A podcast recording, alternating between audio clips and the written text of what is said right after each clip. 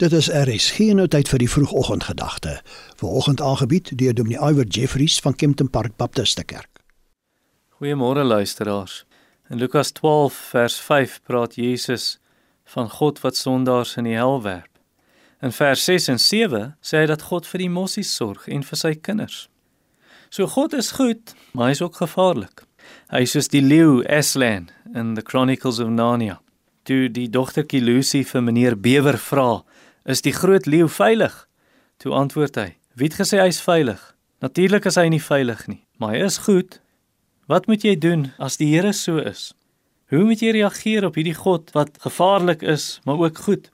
Stort jou hart voor hom uit. Werp jou sorges op hom, vertrou hom, maar vrees hom. Met vrees bedoel ek nie jy hardloop weg soos vir 'n kwaai hond nie.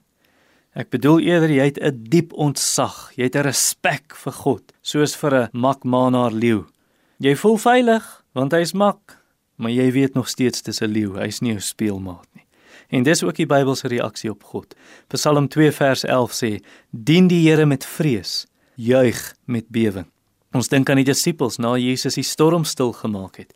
Het hulle meer gevrees vir hom as vir die storm? Hulle het voor hom neergeval en hom aanbid.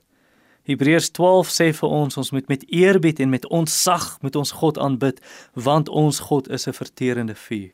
En vrees vir God sal maak dat jy soos Job is wat van die sonde weggedraai het. Dit sal maak dat jy die Here eer, dat jy jou reinig van alle vuilheid van liggaam en gees sê Paulus in 2 Korintiërs 7 en so die heiligmaking volkome maak of volkome bring in die vrees vir God. Enige iemand wat met sy sonde aanhou, ken God nie en vrees God nie. Romeine 3 vers 18, daar's geen vrees vir God voor hulle oë nie. So vraag dan, het jy hierdie gesonde Bybelse vrees vir God? Is die vrees van die Here jou skat? Volgens Jesaja 33 vers 6 erken jy God? Bewonder jy hom soos Jakob wat gepraat het van die vrees van Isak wat maar net 'n naam vir God was? So laat dit dan vandag sigbaar wees in jou lewe by die huis of miskien jy besig met huiswerk of miskien moet jy werk toe gaan vandag hoe jy op gesag reageer hoe jy jou gedra op die pad jou verhouding en gesprekke met geliefdes vriende en kollegas En as jy die Here so vrees en in al daai areas vrees, dan sal hy jou en jou huis en alles wat jy doen seën, sê Psalm 112 en 128. Kom ons bid saam. Vader, ons bid dat U ons vul in genade met genade om in die vrees van die Here te wandel. Amen.